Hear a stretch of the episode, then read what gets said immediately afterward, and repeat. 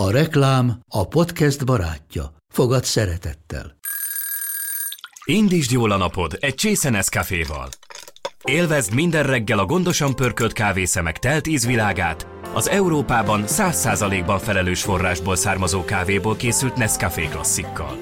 Tudj meg többet fenntarthatósági törekvéseinkről a nescafé.hu oldalon. Nescafé. Új lehetőség minden csészében. Ez reklám volt, jó volt.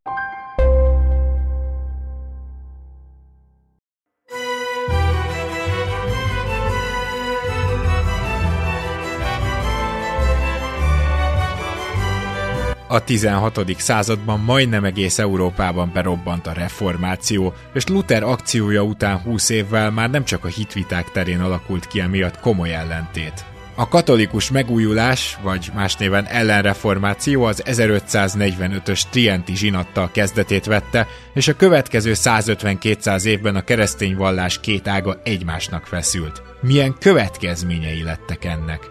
Voltak-e tényleges vallásháborúk, és hogyan használta fel a nemzetközi politika a feltámadó ellentétet? Milyen áldozatokkal járt a hírhet inkvizíció ebben az időszakban? Mennyire járt külön úton Magyarország?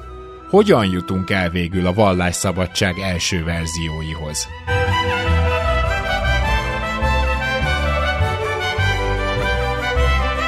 Ez az Itt és Akkor podcast. Rédai Gáborral és az idők nagy kalandoraival. Amit mondunk, az történelem.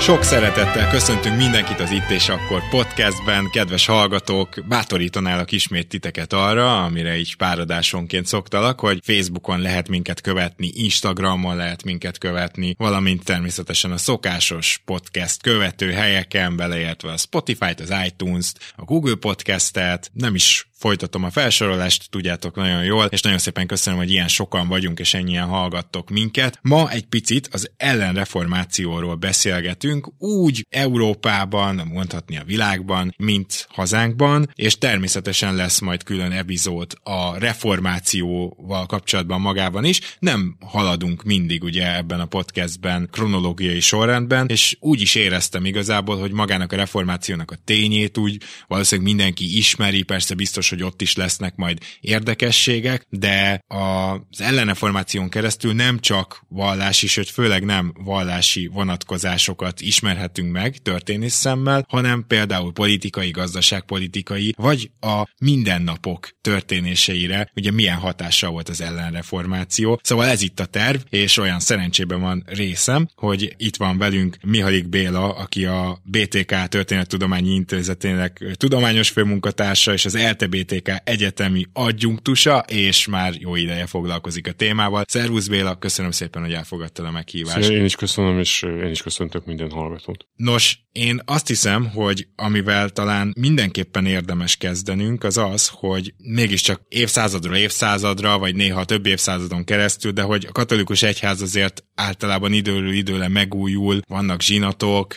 ugye most is nem olyan rég volt egy zsinat, és már is a napjainkban is érezni azt a törekvést, hogy egy újabb megújulásra van szükség, nyilván ahogy felgyorsul a világ, egyre gyorsabban kell minden egyháznak reagálni. Na de azért ugye a reformáció korában, amikor Luther kiakasztotta azt a bizonyos iratot, akkor még nem a mai értelembe vett egyházról beszélhettünk, hanem például ugye akkor még volt egy pápai állam. Tehát, hogy mi volt akkor a helyzet, és a reformáció nagyon gyors terjedése, az tulajdonképpen a pápai államnak elsősorban ilyen teológiai kihívást jelentett, vagy hát azért itt gazdasági és politikai érdekek is ütköztek. Hát igen, nagyjából azt lehet mondani, hogy egy olyan kétarcú volt ez a reform motiváció, tehát volt benne persze teológiai kihívás és politikai kihívás is volt benne. Nyilván azért az is egyértelmű, hogy a, az eszmeiség is változott, tehát az, hogy hogyan vélekedtek az emberek, ember és Isten kapcsolatáról, az is változott a történelem során. És azért itt megfigyelhető hogy azért a 15. századra, tehát már a reformációt megelőzően, ez a beállító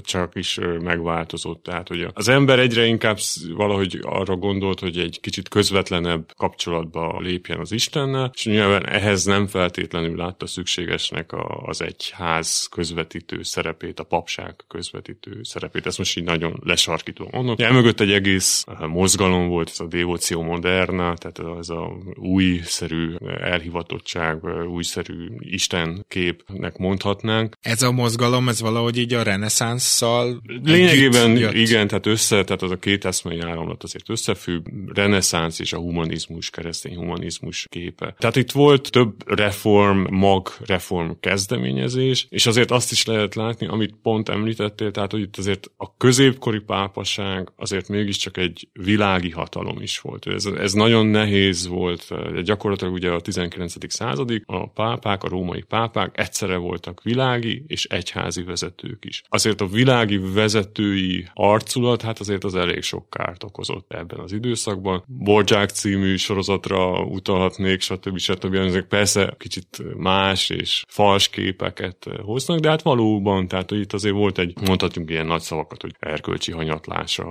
a pápaság képének, aminek itt nagyon sok, tehát ugye a középiskolában általában olyan búcsú cédulákat szoktuk emlegetni, a Szent Péter bazilika építésére fordított pénzek, korrupció, stb. stb. Ugye hát nagy probléma volt akár a Borgia pápa, 6. Sándor idején a nepotizmus, tehát hogy ugye a saját családját, és ő magának is ugye gyerekei voltak, hát ami azért egy pápánál mondjuk minimum szokatlannak lehetne nevezni, egyébként nem volt annyira szokatlan, még a 16. században sem, tehát a reformpápáknak is azért bőven volt gyerkőcük. Tehát, hogy és akkor hát nyilván ezek, tehát a csal, saját családtagoknak a pozícióba ültetése. Hát azért ez... Ez már kiverte a biztosítékot, hát gondolom, persze, tehát, hogy egyházi körökön belül, persze, és nem hogy azon persze, kívül. Persze, persze. Meg talán lehet, hogy ez ilyen nagyon messziről indítás, de mindenképpen elmondhatjuk azt, hogy azért a katolikus, vagyis akkor inkább még kereszténynek hívták magukat, kereszténység azért volt egy ilyen társadalom szervező ereje a középkor nagy részében, és ennek nagyon sok pozitív hozadéka is volt, hiszen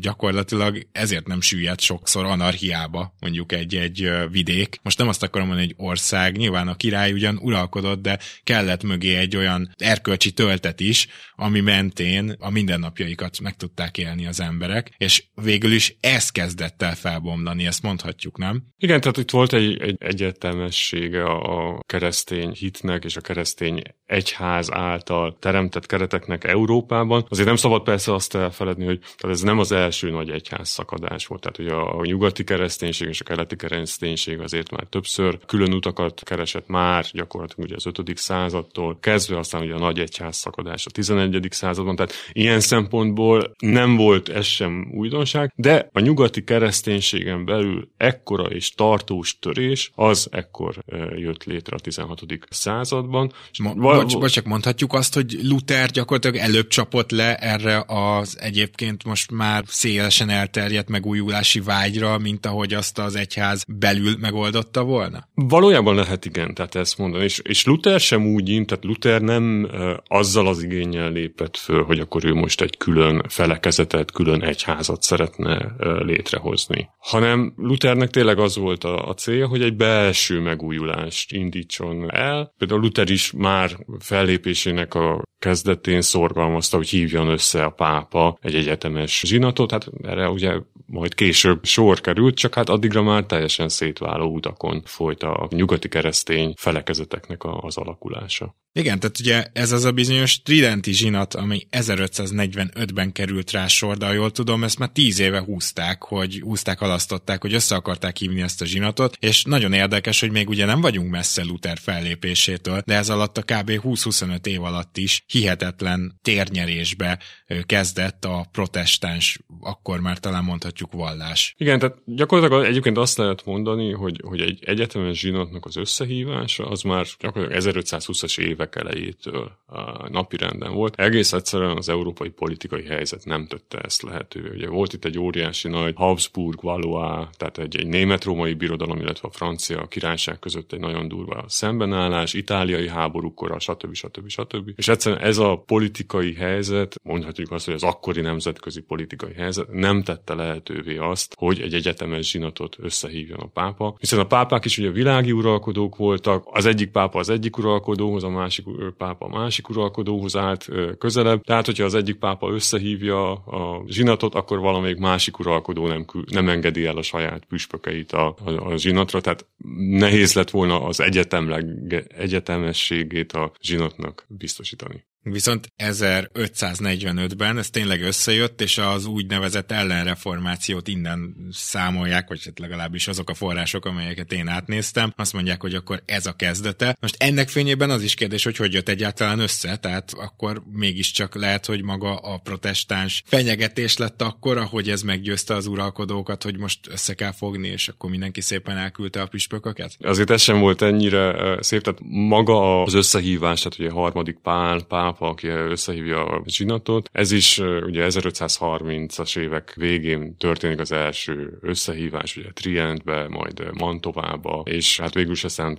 sokszor szokták mondani, hogy ez az álmos észak-itáliai kisváros Trient lesz az otthon ennek a, a nagyformátumú eseménynek. Valóban, tehát éppen egy olyan politikai helyzet volt, amikor mód nyílt arra, hogy összehívják. Ugye maga a zsinat aztán 18 éven keresztül tart, a kezdetétől a lezárásáig, de maga azt lehet mondani, hogy összességében durván egy olyan 5 kötőjel 7 év volt a tényleges munka három ülésszakban, és ebből is volt olyan ülésszak, amikor például a francia király nem engedte el a francia püspököket részvételre. Mikor, hogy ki volt ott, értem. Mi a jelentősége a zsinatnak? Mert itt nyilván volt egy egyrészt teológiai, másrészt gazdasági kihívás, ezekre választ akart adni a zsinat? Vagy tudunk például olyan dolgot említeni, mondani, amit így kitűzhet lehetett a zsinat a melvértjére úgymond, hogy, hogy na, akkor ezt mi megváltoztattuk, erre mi reagáltunk. Igazán azt lehet mondani, hogy mai, tehát a 20. században a, a történészi gondolkodás úgy alakult át, és azért kencelem innen, mert ez nagyon jól ráhúzható a zsinati határozatokra is. Tehát a történészi gondolkodás úgy alakult át, hogy az ellenreformáció fogalma mellé az 1950-es évektől belépett egy másik fogalom, a katolikus reform fogalma. Igazándiból mind a két jelenség kiolvasható a zsinati határozatokból. Két nagy csoportra oszthatóak a zsinati határozatok, egyrészt a dogmatikai határozatok, tehát a hittanításra vonatkozó tanítások, másik része az pedig az egyház fegyelmi kérdések. A dogmatikai az inkább valóban ekkor már olyan hittételeknek a megerősítése, tehát nem új hittételek alkotása, hanem megerősítése, ami a kora újkori katolikus felekezetet elhatárolta a létrejövő protestáns irányzatoktól. Az egyik legegyszerűbb az ugye a szentségeknek a száma. Ugye a protestáns egyházakban, tehát Luthernél két szentség van, ugye az úrvacsora, illetve a keresztség, ugye az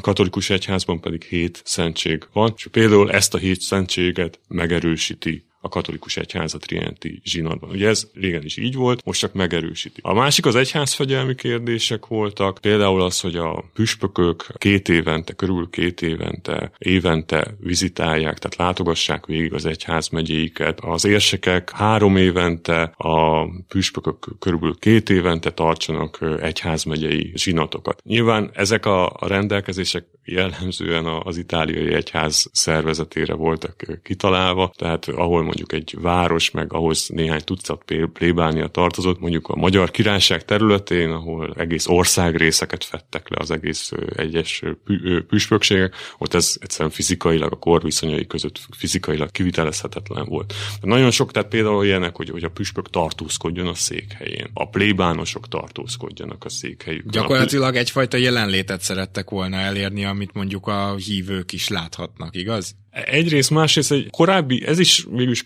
korábbi szabályoknak egy picit újragondolása, vagy egy megismétlése. Igazándiból az volt a, a, a lényege, hogy egy belső struktúrált fegyelem alakuljon ki, ezáltal lehessen át valóban egy, egy jelenlétet, egy folyamatos jelenlétet biztosítani, másrészt pedig legyen egy olyan struktúra, ami nem engedi mondjuk úgy, hogy a protestáns gondolatoknak a beszüremkedését, vagy hogyha beszüremkedik, akkor ezt egy ellenőrzés alatt tartja. Na most ugye a mai Németország, német alföld területén, de hát egy idő után nálunk Magyarországon is, bizony a protestáns hit, sőt annak egyébként ugye több válfaja, az nagyon megerősödött. A zsinat Gondolt erről valamit? Gondolt-e arról valamit, hogy ők majd hogy szorítják ezt vissza, vagy, egy, vagy egyáltalán csak ilyen alapokat akartak lerakni? Tehát volt-e haditerv, hogy így fogalmazzak? Igazándiból haditervet nyilván a Trienti zsinat nem fogalmazott meg. A Trienti zsinat inkább a kereteket jelölte ki, amelyeken belül az egyház úgy gondolta, hogy kap elegendő mozgásteret ahhoz, hogy a protestáns irányzatokat visszaszorítsa. Igazán, amikor a zsinat lezárul ugye 1563-ban, az azt követő pápák, akiket ugye reformpápáknak is szoktak nevezni, az ő időszakukban alakulnak ki azok a intézményi struktúrák például, amelyek hát gyakorlatilag aztán fölveszik majd a küzdelmet a protestantizmusra. Például az egyik ilyen nagyon fontos intézményhálózat az a nunciatúráknak a megalapítása. Korábban is küldtek a pápák nunciusokat a Európa különböző államaiban, de az, hogy a, a legfontosabb városokban, uralkodói székhelyeken állandó pápai követségeket hozzanak létre, az majd a zsinatot követően a reformpápák idején jön létre. Szintén az, hogy a, a pápai kúriának a tehát tulajdonképpen az egyház kormányzat központi szerveinek az újragondolása szintén a reformpápák idején alakul ki. Tehát létrejönnek az úgynevezett kongregációk, ezek ugye mai napig léteznek, persze megváltozott névvel, megváltozott struktúrával, de azokat a nagyobb egyházi területeket fették le amelyek segítettek kontrollálni és irányítani. A mindinkább ugye hát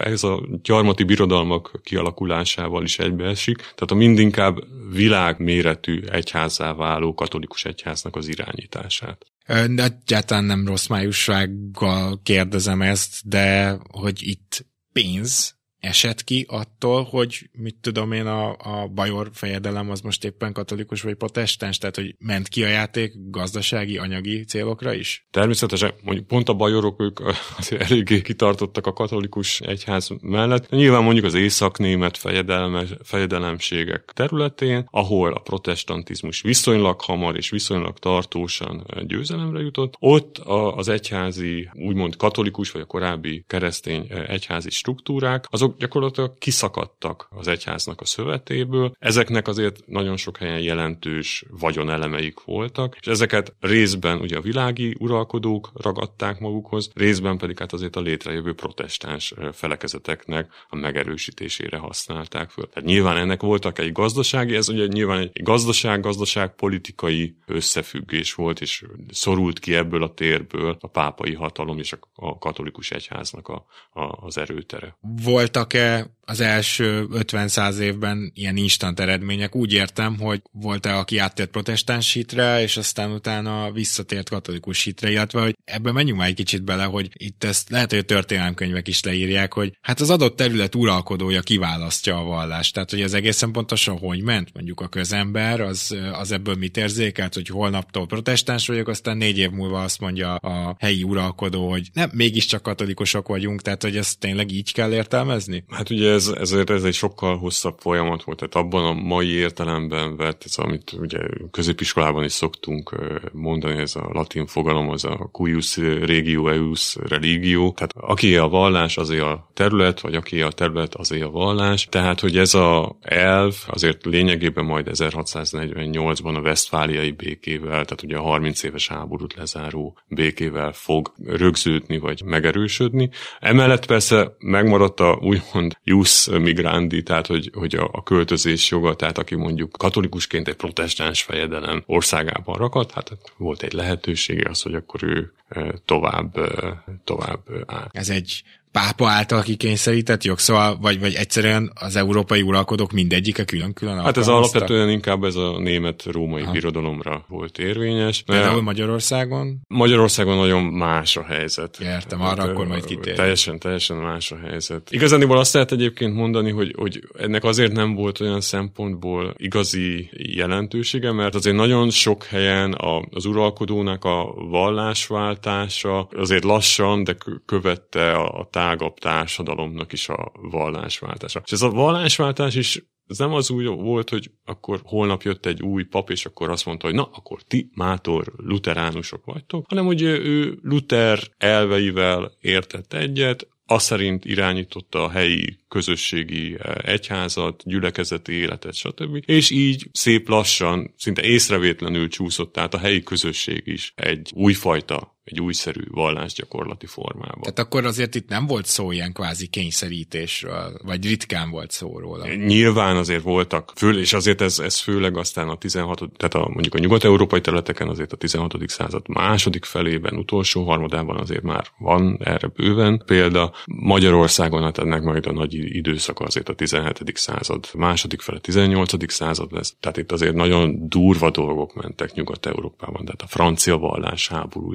évtizedei. Azért a 30 éves háborúról van egy vita, hogy akkor ez most valóban vallásháború volt-e, vagy sem, de hát azért nyilván volt ennek is egy felekezeti felhangja, erős felekezeti felhangja. Tehát itt azért nagyon súlyos és véres összecsapások voltak Nyugat-Európában. Azért Angliában is, akár a 8. Henrik halála után azért nem volt egyértelmű, hogy akkor most melyik utat választja majd Anglia. Hát azért csak első Máriának, aki hát ugye a maga a jelző is, amit az ő neve elé aggattak, a véres Mária azért eléggé jelzi azt, hogy ott azért elég súlyos történtek. Ezek a vallásháborúk, ezek kifejezetten a protestáns katolikus ellentét okán robbantak ki, vagy amit én valószínűnek tartok, egy meglévő ellentét nél könnyű volt ketté venni, vagy különböző oldalakra állni ementén. Hát inkább nyilván az utóbbi. Tehát a, ennek a, az egyik legszebb példája, ami miatt ugye hát van is egy ilyen vita ugye a 30 éves háborúnak a jellegéről, ami ugye a 17. században 1618 és 48 között zajlott. Tehát ugye ott a, a Habsburg Bourbon ellentét, hogy gyakorlatilag két katolikus dinasztia áll Igen. egymással szemben, és ugye a, a katolikus Bourbon dinasztia támogatja protestáns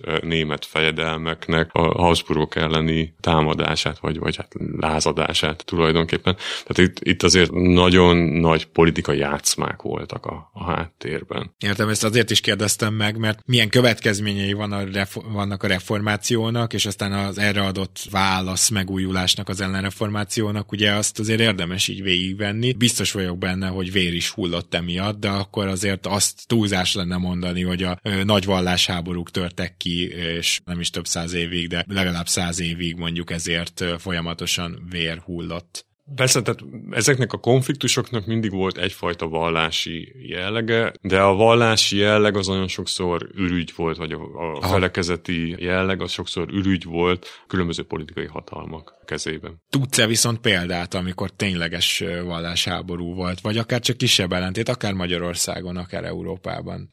Azért persze, tehát hogy akár a, a Szent Bertalané, ami ilyen, ilyen nagyon híres, ugye ez a francia vallásháborúk idején, ugye Párizsban a, az ottani Hugenotta közösségnek a lemészárlása, egy óriási nagy, gyakorlatilag egy mészárlás volt, az, ott, ott azért egyértelmű volt a, a felekezeti jelleg. A 30 éves háborúban is azért nagyon sok helyen, tehát mind a két oldalról. Tehát, hogy, hogy, hogy, ez nem, nem egy oldalú dolog volt. Nagyon sok helyen azért felekezeti jelleggel ment mondjuk egy adott területnek a, az elpusztítása és felprédálása, és ugye ez nyilván ez a, a helyi közösségeken, a, az egyszerű embereken csaptant, mint ez általában lenni szokott a történelem során. Magyarország területén is azért mondjuk itt, a, amit én vallási polgárháború jellegű küzdelem időszakának szoktam nevezni, ezzel szokott, vannak olyan kollégáim, akik vitatkoznak ebben vele. Ugye ez az 1670-es, 80-as évek Magyarországon. A gályarapság, tehát ugye a híres gályarapperek majd 1674-ben nyilván az egy teljesen egy felekezeti jelleg. Azt két mondatba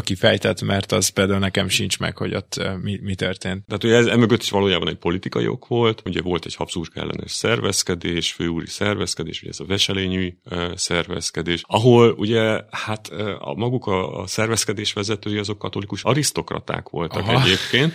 Sőt, ebbe a szervezkedésbe azért most már elég erősen kijelenthető, hogy a jelenlegi eredmények alapján, hogy a katolikus főpapságnak is a tagjai belekeveredtek. Majd amikor ez ugye Bécsben kiderült, lefogják a vezetőket, és elindul egy, hát gyakorlatilag egy központosítás, és a magyar rendiségnek megpróbálják felszámolni a Habsburgok, akkor ez a katolikus elit gyorsan összezár, és az egészet rátolja a protestáns protestánsokra. Ennek a bűnbak képzésnek gyakorlatilag az egyik eredménye 1674-ben, hogy beidéznek 300 lelkészt, protestáns lelkészt, illetve tanítót. Ezeknek a nagy részét, akik megjelennek egyáltalán Pozsonyban nagy részét számüzetésre kényszerítik, és van körülbelül 40-50 olyan lelkész, akik a végsőkig kitartanak, és végül őket eladják gája rabságra. Azt a. Na, hát ezek azért érdekes történetek, mert akkor itt a, nem azt akarom mondani, hogy ez egy háború volt, de ugyanakkor igenis emberi életeket követelt ez, a, ez az egyház szakadás, ezt azért kimondhatjuk, ezt viszont nem túlzás kimondani.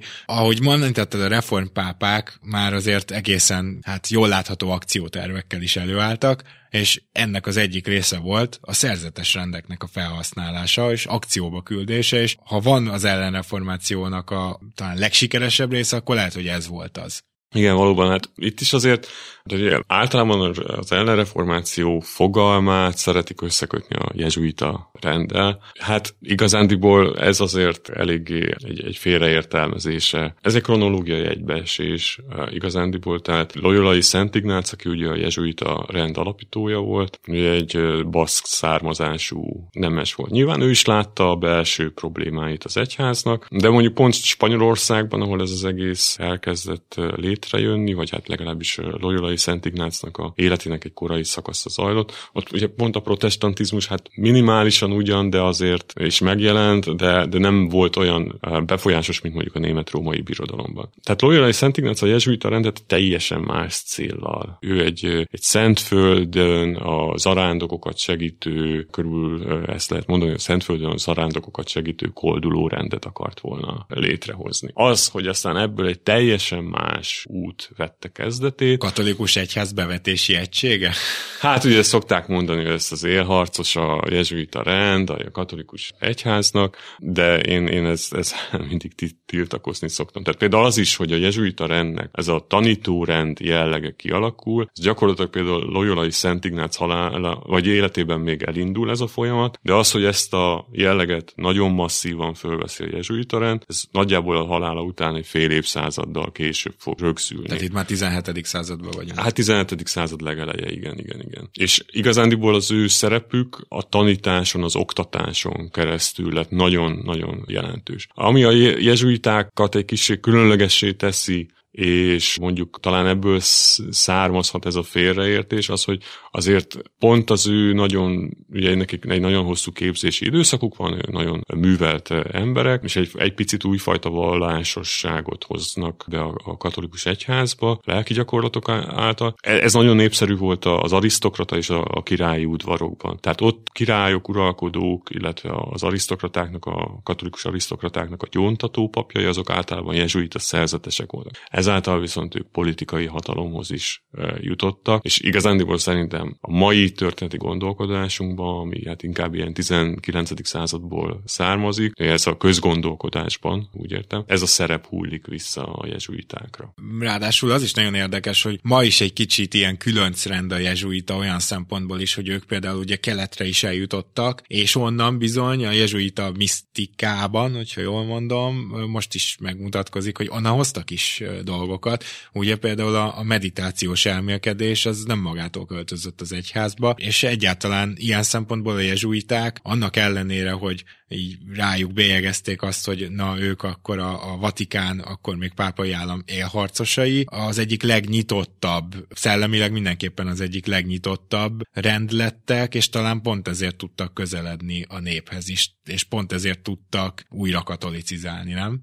Igen, de hát valójában azt lehet róluk mondani a jezsuitákról, hogy az elmúlt években az egyik jelszavuk itt Magyarországon például az volt, hogy Jézussal a határokig. És hogy ez a határ lét azért nagyon sok értelemben lehet. Tehát kulturális, Igen. földrajzi határ értelemben is lehet ezt értelmezni. És hogy amikor ők elmentek valahova, akár Dél-Amerikába, akár protestáns országba, akár valahova Kelet-Ázsiába eljutottak, mindig az volt a, az alapelv, hogy megpróbálták megérteni a helyi viszonyokat, és ezeket a helyi viszonyokat beépíteni, ezeket megértve próbálták őket katolizálni. Ebből aztán elég sok problémájuk is lett a katolikus egyházon belül. Hát ezt gondolom.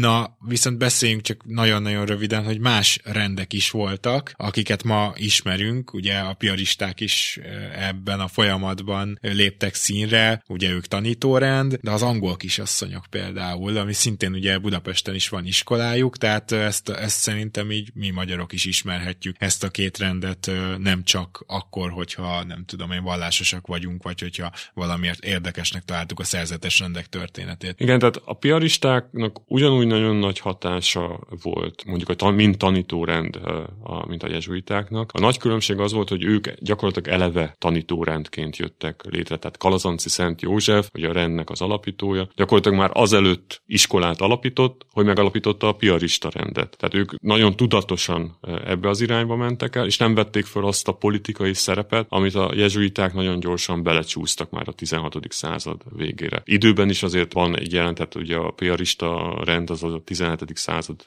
elején jön létre, tehát van egy időbeli különbség is a két rend között. És pont emiatt, mivel a piarista rendnek nem volt meg ez a később gyanussá váló politikai befolyásoltsága, meg befolyása, ezért például a, a piarista rendet soha nem is oszlatták fel, hanem folyamatosan működhetett. Ez olyan szinten igaz, mert ugye én is a piaristákhoz jártam, úgyhogy volt alkalmam, volt alkalmam ezt tanulmányozni, a történelmét a rendnek, hogy ugye nagyon kevés rend taníthatott tovább a kommunizmusban, de a piarista volt ez. Így van, és hát ugye szokták mondani, hogy a piaristák valami nagyon különös szerzetek, mert hogy ők nem csak a második József féle nagy szerzetes rendi feloszlatást élték túl a 18. század végén 1780-as években, hanem pont ahogy mondod is, igen, a kommunista feloszlatást is. Az angol kisasszonyok, ők egy kicsit más, hogy ez a, gyakorlatilag ez a Várt Mária féle alapítás. Szokták őket egy picit mondani a női jezsuitáknak is, mert nagyon szoros volt az összefüggés egyébként, vagy a kapcsolat a, két rend között. Ugye ők ugye a női oktatásra helyezték a hangsúlyt. Nyilván ez a kora újkorban a női oktatás azért az nagyon mást jelentett, mint mondjuk a mai, mai fogalmaink, tehát inkább így a... De azért újdonság is volt, nem? Persze. Tehát, hogy a, a női oktatásra az egyház, sőt nem csak az egyház, egyház, hanem az állam se nagyon figyelt oda eddig. Persze, persze, tehát mindenképpen újdonság volt. Azért azt lehet mondani, hogy azért voltak mellettük is más, tehát mit tudom én, meg lehet említeni például az orsoitákat, akiknek azért Magyarországon szintén volt szerepük az orsoitáknak. Tehát igen, tehát hogy itt az, hogy megjelennek női szerzetes rendek, és ennyire újszerű funkcióval, azért ez is a, az újkori eh, katolicizmusnak, vagy lehet ezt mondani, a barokk katolicizmusnak a, egy új jelensége. Na akkor dobjuk le az ellenre reformáció bombáját, és beszéljünk az inkvizícióról, amiről egészen elképesztő filmes alkotások születtek, nagyon híres regények, ugyanakkor sejtek itt egy kis mitoszt ebben, meg legendát is, de majd te elmondod. Tehát az inkvizíció intézménye az minek indult, hol vált egy véres megtorlás eszközévé, és hol működött úgy, ahogy ezt tervezték. Igazából három inkvizíciót kell megkülönböztetni. Van egyszer a középkori inkvizíció, ami azt lehet mondani, hogy a 13. század első felében jön létre. Ez a korai eretnekség, vagy érett középkornak a ilyen korai eretnek formái ellen, hát talán középiskolában néha még megemlítenek ilyeneket, hogy albigensek, meg katarok, meg valdensek. Ezek általában Dél-Franciaországban, meg Észak-Itáliában élő kisebb eretnek közösségek voltak, ki, hát kicsit másképp gondolkodtak a, a keresztény hitről, mint a, mint a katolikus tanítás. Alapvetően ez a középkori inkvizíció, ez valóban Róma által létrehozott egyes központokban próbált fellépni ezek ellen a, az eretnek mozgalmak ellen. Az, hogy ezeknek mekkora volt a áldozatoknak a száma, mekkora volt, ez, ez nehéz megmondani. Azt lehet mondani, hogy a perbe fogottak körülbelül 1%-át ítélték halára és hajtották ezt végre. Körülbelül 15% volt az, akit mondjuk valamilyen börtönbe. Csak ugye ez, ez az 1% is azért viszonylag nagy szám lehetett, és azért itt is azért néha nagyon brutális, hát ilyen autodaffé, tehát ilyen mágián történő megégetés, tömeges égetés, stb. stb. Tehát, hogy azért ezek voltak itt véres jelenetek. Na, na, igen, nagyon brutális. És hát nyilván azért galilei, és szóval, hogy, hogy belekerültek ezekbe a perekbe azért olyan történelmünket és tudomány történetünket meghatározó emberek is, aki miatt elég emlékszünk erre az intézményre. Igen, csak hogy ez a középkori inkvizíció volt, ez nagyjából már azelőtt lezárult, mielőtt egyáltalán reformáció elkezdődött volna. Tehát úgy nagyjából a 15. századra ezek, ezek a korai inkvizíciók, ezek elvesztik a jelentőségüket, és beé beépülnek a helyi egyház megyéknek a szervezetébe, és azt lehet mondani, hogy általában a tudom én, bigámia, tehát akik kétnejűek, a boszorkányvádal, tehát az ilyenek ellen küldik őket, tehát nagyon-nagyon kifut a jelentősége a 15. századra. A másik, ami a 15. században jön létre, ugye ez a spanyol és portugál inkvizíció. Ezt is valóban persze pápai engedéllyel hozzák létre a 1480-as évek legelején, de ezek kifejezetten aztán ugye a spanyol félszigeteken ekkor zajlik ugye a visszafoglaló, ez a reconquista, a visszafoglaló háború a muszlim országokkal szemben, és emellett még van egy óriási nagy zsidó tömeg is. Ennek a zsidóságnak a keresztény hitre térítése is zajlik ekkor, viszont az ő hithűségükben azért vannak kérdőjelek, és igazándiból az inkvizíció, tehát ezt a spanyol-portugál inkvizíciót erre a két tömegre fogják ráereszteni, tehát a zsidóságra, az áttért zsidóságnak az ellenőrzésére, illetve az áttért muszlim lakosságnak az ellenőrzésére. Ez az egyik különbség, a másik különbség pedig az, hogy ezt valóban a pápai engedéllyel hozzák létre, de nagyon gyorsan a királyi hatalom elszakítja gyakorlatilag az egyháztól, és állami intézményekké fognak válni. Tehát, hogy a pápának nem lesz fölötte már hatalma, és itt is azért, hát itt, itt azért tényleg nagyon brutális dolgok történnek. Tehát amikor valakit elülsznek azért, mert mondjuk zsidó származású volt, akkor még olcsóbban megúszta. Tehát az áldozatok számát az itt körülbelül azért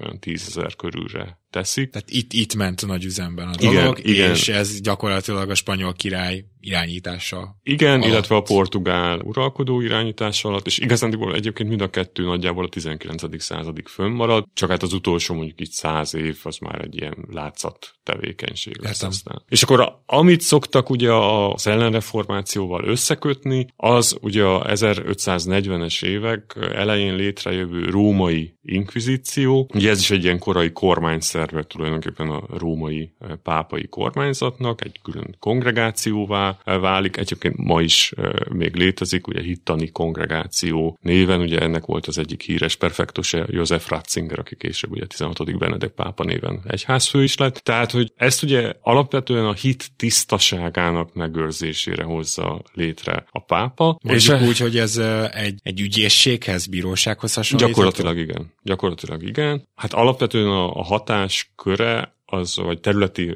hatásköre az, az az itáliai félsziget volt. Kisebb mértékben kiterjedt Dél-Franciaországra, illetve a német-római birodalom esetében egyedül Kölnben tudnak egy ilyen inkvizíciós bíróságot fölállítani. Tehát azt lehet mondani, hogy Alpokon túli területeken, Európa nagy részében ennek a központi római inkvizíciónak a hatása hát nagyon mérsékelt volt. És azért alapvetően azt is kell látni, hogy ezek a híres nagy esetek Galilei vagy Giordano Bruno, akit ugye a Campo di Fiorin Róma központjában ugye meg is égetnek. Tehát ezek a nagy, nagy esetek, amik, amik híresek, és amik hát tényleg azért nagyon sok kárt okoztak az egyház, és mondjuk úgy, hogy a tudományos vagy, vagy világi szféra kapcsolatának, azok valóban ehhez, ehhez a római központi inkvizíciónakhoz köthetőek, de területileg nagyon-nagyon szűk volt a hatásköre. Például Magyarországon az volt a hatásköre, hogy nagyon sokáig ehhez a inkvizícióhoz tartoztak a vegyes házasságok. Tehát, hogy például, hogyha, vagy a, nem, a, nem is a vegyes házasság, de például a ro- közeli rokonok közötti házasság engedélyezése. Tehát amikor két magyar arisztokrata, mondjuk egy battyányi és egy illésházi 17. század elején össze akarnak házasodni, akkor ettől az inkvizíciótól kaptak rá engedélyt. Tehát mondjuk másodúnak a testvér hasonló. Igen, igen, ah, igen. Értem, másod, harmadúnak a testvérek házasodtak, mind a két fél katolikus volt, akkor egy, egy battyányi grófnak valóban az inkvizíció innovációtól kellett a 15. század elején még engedélyt kérni. Aztán később ezt is kiszervezték mondjuk a, a helyi püspököknek a hatáskörébe. Aha. Tehát nagyon széles volt az a hatásköri horizont, amivel ez foglalkozott, de a, azt, amit mi ugye szoktunk mondani, vagy el szoktunk képzelni az inkvizíció. Gyakorlatilag magam előtt látom a kivégző padokat. Hát, tehát hogy például az, hogy, hogy valakit kínvallatásnak vessenek alá, az egy nagyon-nagyon szigorú eljárásrendhez kapcsolódott, tehát nagyon-nagyon nehezen engedélyezték a kínvallatást. Ezek iszonyat jól működő hivatali struktúrák voltak valójában. De föl, földrajzilag nagyon-nagyon korlátozott hatással bírtak gyakorlatilag az itáliai félszigettel. És egyébként azt lehet mondani, hogy a összességében azt mondjuk, hogy az áldozatok száma ennek volt a legkisebb. Tehát összesen a 200 éves működése alatt, amikor ilyen eretnekekkel Most a szemben, római központi igen, Igen, tehát, és amikor ugye az eretnekekkel szembeni fellépésnek az időszakát, tehát ezt a 200 évet nézzük, kb. 120 volt a, a halottak, vagy az áldozatok száma. Na de ugye ezt mondhatjuk, hogy egyrészt akkor tűzzávvassal is próbáltak nyilván visszakatolizálni, másrészt a szerzetes rendek és a néppel való közvetlenebb kapcsolat elősegítése, tehát hogy látjuk, hogy itt több dimenzióban ment a dolog. Mielőtt rátérnénk a magyar helyzetre, annyit mondj kérlek, hogy összességében mennyire volt ez sikeres, ez az e- ellenreformáció? Hát ezt nagyon nehéz így megítélni nyilván. Azt mondhatom, hogy azért Európa egy jelentős részét, ahol létrejöttek ezek, létrejött a felekezeti szakadásnak a lehetősége, azért sikerült megőrizni a katolikus egyház erőterében. Franciaország, azért a német-római birodalomnak a nagy ré, egy jelentős része. Spanyol-portugál, ugye? Hát igen, csak úgy, úgy ott, ott igazándiból maga a protestantizmus nem is képviselt nem akkor a... De például ma már nem nagyon esik szó róla, és hogy az egyik legkatolikusabb országnak tartjuk, ugye Lengyelországot, de 17. század közepéig ez egyáltalán nem volt bizonyos, hogy Lengyelország melyik oldalra fog ö, sodródni, és Lengyelországot is ö, sikerült megoldani. És Én... akkor itt lehet, hogy megérkezünk Magyarország. Magyarország, ami, ami egy gyakorlatilag egy külön, külön eset, vagy egy külön utas eset ö, ilyen szempontból. Miért?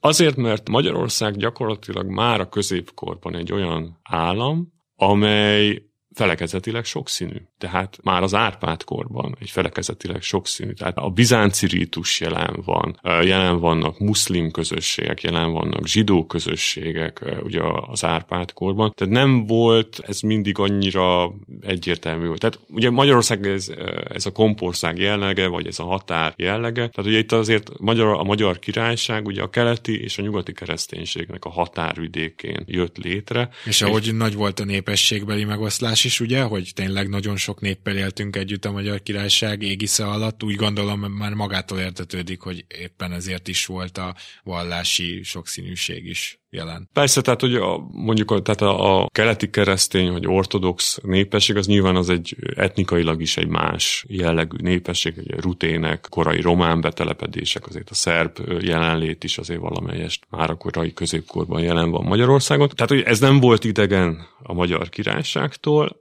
és amikor elindul a protestantizmus terjedése Magyarországon egyébként nagyon korán, tehát az 1520-as évek. És eh, nagyon nagy mértékben, nem? De most az, elején, az, elején azért, az elején azért akadozik ez. Uh, ugye most jelent meg pár évvel ezelőtt Csepregi Zoltánnak a, a könyve, ez a, a reformáció nyelve. És ő írja le érzékletesen, hogy, hogy azért kellett egy húsz év, mire ez itt nagyon beindult, mert ugye az első húsz évben azért alapvetően ugye a német nyelvű, mondjuk szabadkirályi városi polgárság körében terjedt, ennek köszönhető egyébként az, hogy később aztán a felvidék és Erdély, ahol ugye szá, például ott szászok, tehát német nyelvűek voltak, tehát hogy ott ez fogékonyabbnak bizonyult? Hát gyakorlatilag ezek az első központok, ahol megjelennek a protestáns eszmék, ugye a luteri irányzat. Persze nem segített, hogy a török éppen és ezt akartam, szakította tehát, Magyarországot. Igen, tehát ezt akartam mondani, hogy ugye nagyon korán megjelenik az 1520-as évek elején a protestantizmus, alapvetően városi környezetben, német városi polgárság környezetében, és pont ez az az időszak, amikor ugye a, a török áttöri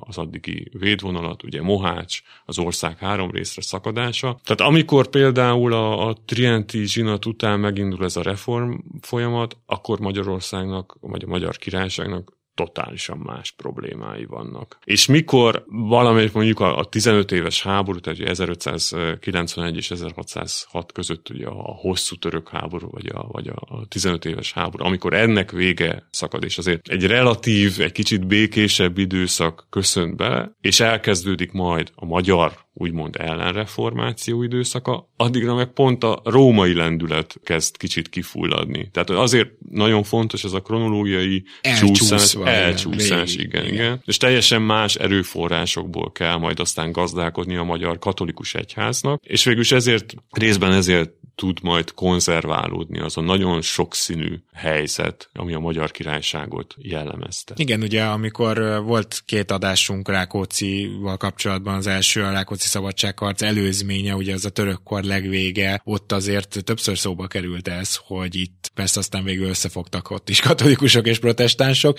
de hogy azért ott például a felvidéki protestantizmus egy ilyen fészke volt ennek tulajdonképpen, már a felkelésnek. Igen, tehát látszik az, egyébként a mai napig, ha megnézi valaki Magyarország vallás térképét, ugye most a református térképet bizonyos más események miatt elég gyakran látjuk itt az interneten, hogy azért látszik, hogy, hogy mely megyékben, tehát hogy, hogy ahova ez beférkőzött, a mai napig látszik ott a nagyobb arányú protestánsok száma. De ugye volt itt egy egészen különleges, csak erről emlékezzünk meg, volt egy egészen különleges protestáns vallási válfaj Erdélyben, ami szinte egyedi, ugye? Igen, hát, hogy ez az unitárius, ma már unitáriusnak nevezett felekezeti ága a protestantizmusnak. Ugye ez, ez azért nem feltétlenül magyar találmány, ez egy antitrinitárius, tehát ugye a Szent Háromság tagadóknak a, a mozgalmából nőtt ki, ami hát azért egy ilyen nagy kerülővel jutott el Svájc, Lengyelország érintésével, aztán végül is Erdélybe. Hát igazándiból mindenhonnan elűzték őket, és akkor, hát,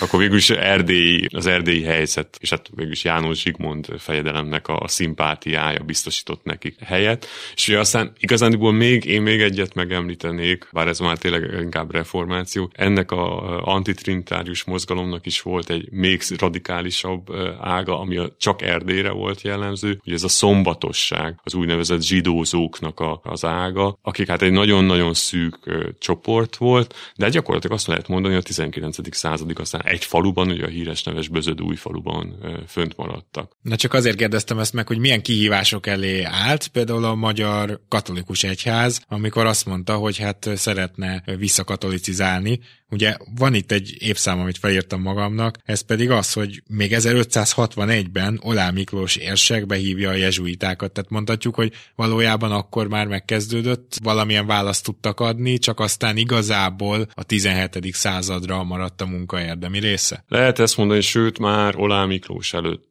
tudjuk, hogy Várdai Pál érsek körülbelül egy tíz egyházmegyei zsinat, ő Esztergomi egyházmegyei zsinatot tartott. Egyetlen egy probléma van, hogy ezeknek a zsinatoknak semmilyen iratanyaga nem maradt meg, tehát nem tudjuk azt, hogy milyen döntéseket hoztak. Olán Miklósnak is ugye három pillérű volt a reform kísérlete a 16. század közepén. Egyébként totálisan párhuzamosan zajlott ez a reformkísérlet a Trienti zsinattal. Ugye egyrészt egyházlátogatásokat végzett az egyház megyében, tehát próbálta kideríteni, hogy melyek azok a papjai, akik elkezdtek eltolódni ugye a protestáns irányzat felé, milyen helyzetben vannak az egyes plébániák. Volt egy másik, ugye ez az oktatás, ezzel függött össze a a jezsuiták letelepítése, a harmadik pedig a zsinatok. Tehát ő egyházmai zsinatokat is összehívott. Igazándiból én mindig azt mondom, hogy Olá Miklósnak ezek a reformkísérletei egy picit föltartóztatták a protestantizmus előrenyomulását, de megfordítani az arányokat nem voltak képesek, és az általánosan elfogadott magyar történészi vélekedés azt mondja, hogy a 16. század legvégére, tehát az 1590-es évekre az ország 85, de lehet, hogy még ennél maga is magasabb százaléka a társadalomnak, az valamely protestáns felekezethez tartozott. Ebből kellett aztán megfordítania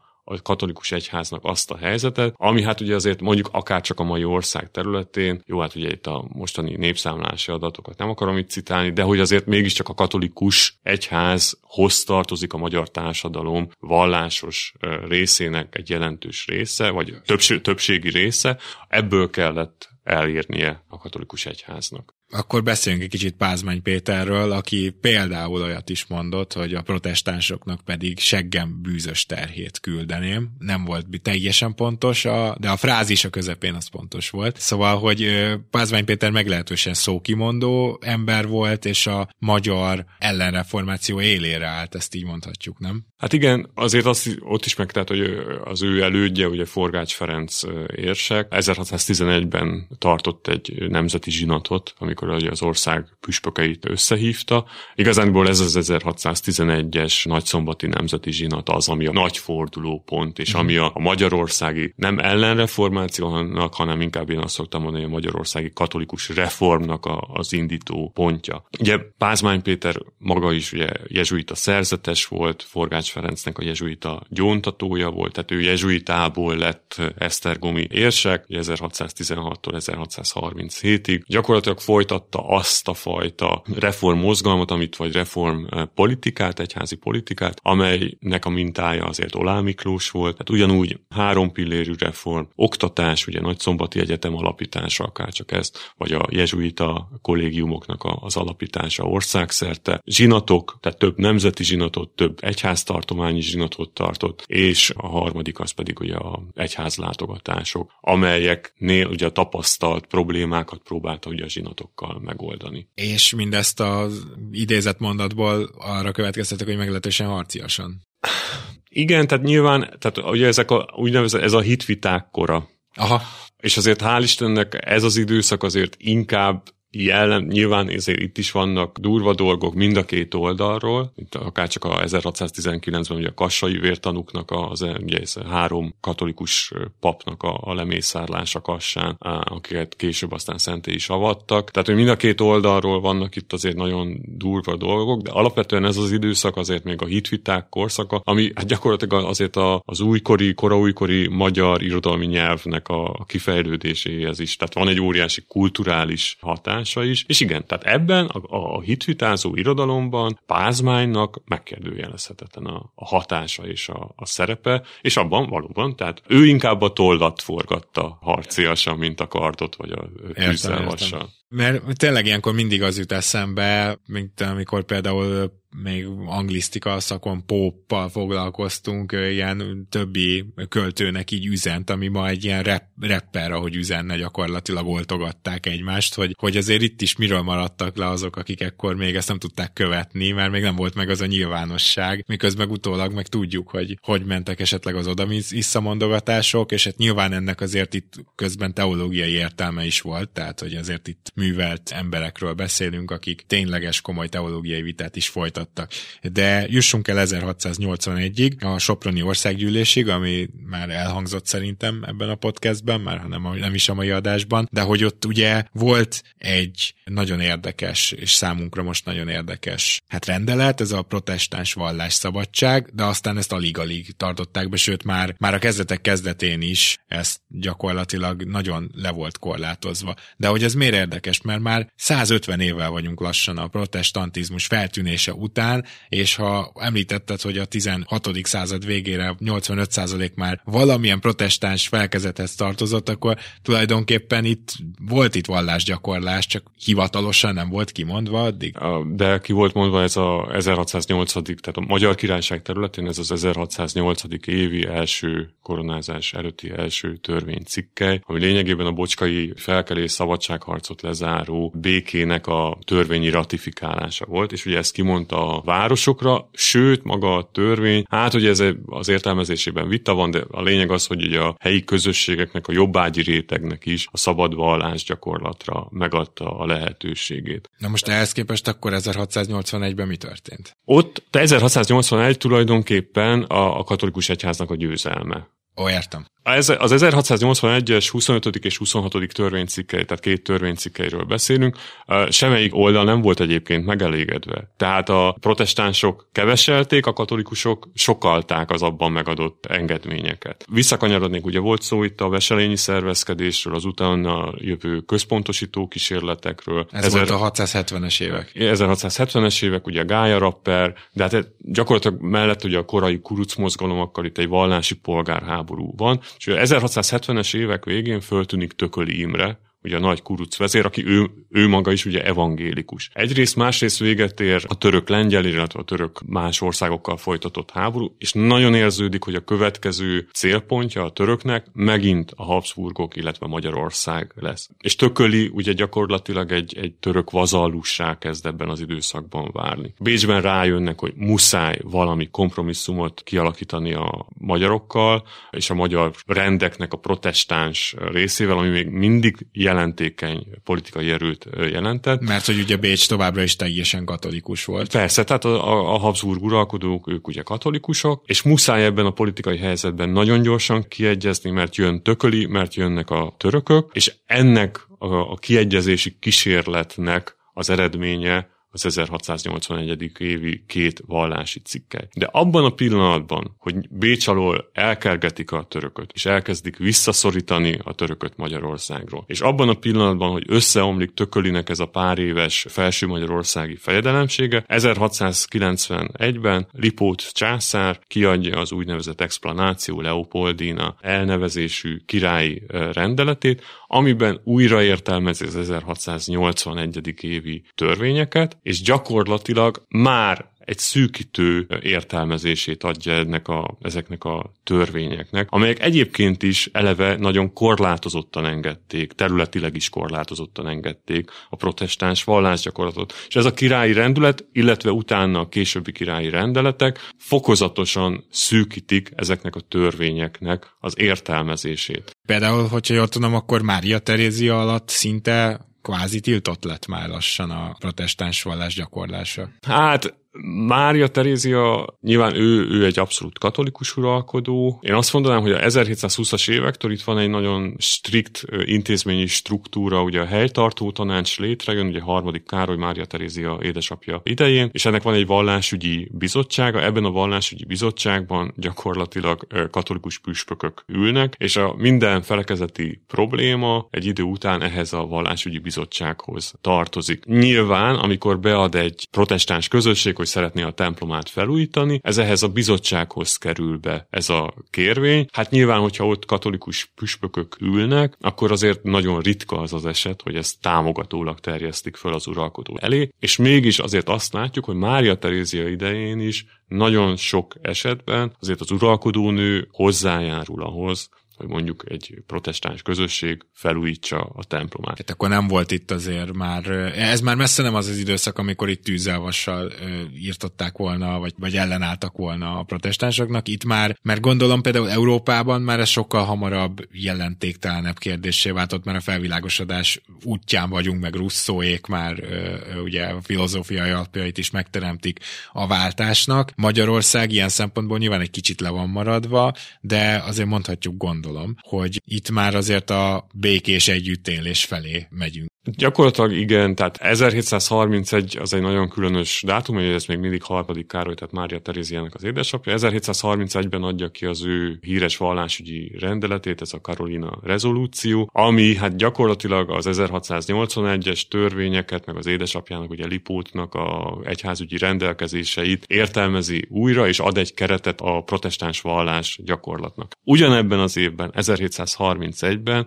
például ugyanez a harmadik Károly Ausztriából az utolsó protestáns közösségeket is elűzi, Hoppá. akiknek egy nagy része egyébként Erdélybe fog aztán érkezni, és Erdélybe fog települni, ami egyébként ekkor már ugyancsak Habsburg uralom alatt áll. Tehát azért Magyarországon az, hogy a, a protestánsok politikai hatalma konzerválódott a török bentlétével, és megmaradt azért valamilyen formában a 18. századra, ez azért békjót kötött a Habsburg katolikus uralkodóknak a, a mozgásterére, illetve a katolikus püspöki kar mozgásterére is. Tehát valóban lehet azt mondani, hogy ez nem egy toleráns, a mai értelemben vett toleráns környezet, de ez egy politikai kényszerhelyzet volt, ami egy, egy relatív toleráns bánásmódot engedélyezett. És akkor nem tudom, hogy a magyar ellenreformáció végének mondható ez, de lehet, hogy az egész európainak, de beszéljünk egy kicsit második József 1781-es rendeletéről. Igen, tehát ugye ez, ez is egy érdekes, mert ugye ezt szoktuk a türelmi rendelet, ez a híres neves türelmi rendelet,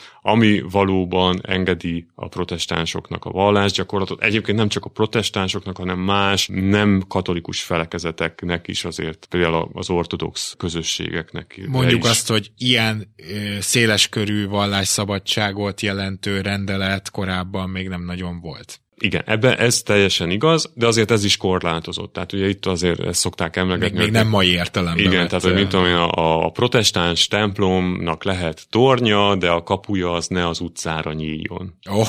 Tehát, hogy ilyen jellegű, tehát, hogy szóval azért nem, ez azért még nem a teljes egyenjogúsága a keresztény eh, felekezetek között, de egy óriási lépés. Tehát azok a protestáns közösségek, akik mondjuk a 17. század végén, vagy a 18. század folyamán folyamán valamilyen úton, módon elvesztették a gyülekezeti életük lehetőségét, ott óriási nagy számban az 1780-as évektől jönnek létre majd az új, újra, tehát lelkészségek, templomok, gyülekezetek alakulnak újra. És ez, ez a türelmi rendeletnek köszönhető egyetlen egy bónusz kérdésem maradt az adásunk végére. Az ellenreformációt, mint ahogy a reformációt összeszokták kötni a reneszánszal, az ellenreformációt összeszokták kötni a barokkal. Nem biztos, hogy a te vizsgálódási területet szűken véve, de egyébként mennyire értesz ezzel egyet, mert nem tudom, hogy muszáj hogy így legyen. Úgy értem, hogy miért ne lehetett volna egy barokk udvar református például, vagy fordítva. Nyilván, tehát hogy azért a barokk az alapvetően egy, egy művészet történeti eh, fogalom. Ennek ellenére 17. századra az európai, a 18. századra a magyar katolicizmust azért szoktuk barokk katolicizmusnak. Azért a, a barokk mint művészeti stílus azért alapvetően, főleg a belső térnek a, a kialakítása, az főleg mondjuk a katolikus templomokban figyelhető meg. És azért a 18. század a katolikus plébáni alapításoknak is a nagy időszaka Magyarországon, és a katolikus templomépítészetnek egy nagy időszaka Magyarországon. Tehát azért a major Magyarország területén is, de gyakorlatilag a Kárpát-medencébe bárhová megyünk egy falusi templomba, gyakorlatilag ez a, ez a falusi barokk templomok a 18. században épülnek meg. Tehát ilyen szinten akár a magyar katolikus megújulás és barokk fogalom is összeköthető, de azért Európában is összeköthető ez a két form. Ennek persze nagyon sok más kulturális, művészeti és egyháztörténeti vetülete is van. Igen, tehát hogy odáig azért most nem menjünk el, de Mihalik Béla, nagyon szépen köszönöm, hogy elfogadtad a meghívást. Azt hiszem, hogy itt egy teljes képet, de legalábbis egy nagyon jó áttekintést kaptunk arról, hogy mi is az az ellenreformáció. Én nekem külön érdekes volt nyilván a magyar része, gondolom a hallgatóink is így vannak ezzel. Köszönöm. Én is köszönöm szépen. Kedves hallgatók, nektek pedig a figyelmet köszönjük, és természetesen érkezünk hamarosan új adással, viszont addig is búcsúzik Rédai Gábor, valamint a társszerkesztő Katona Csaba, illetve producerpárosunk Román Balázs és Hampuk Rihárd. Hamarosan jelentkezünk újra, amit ma mondtunk, az viszont már történelem.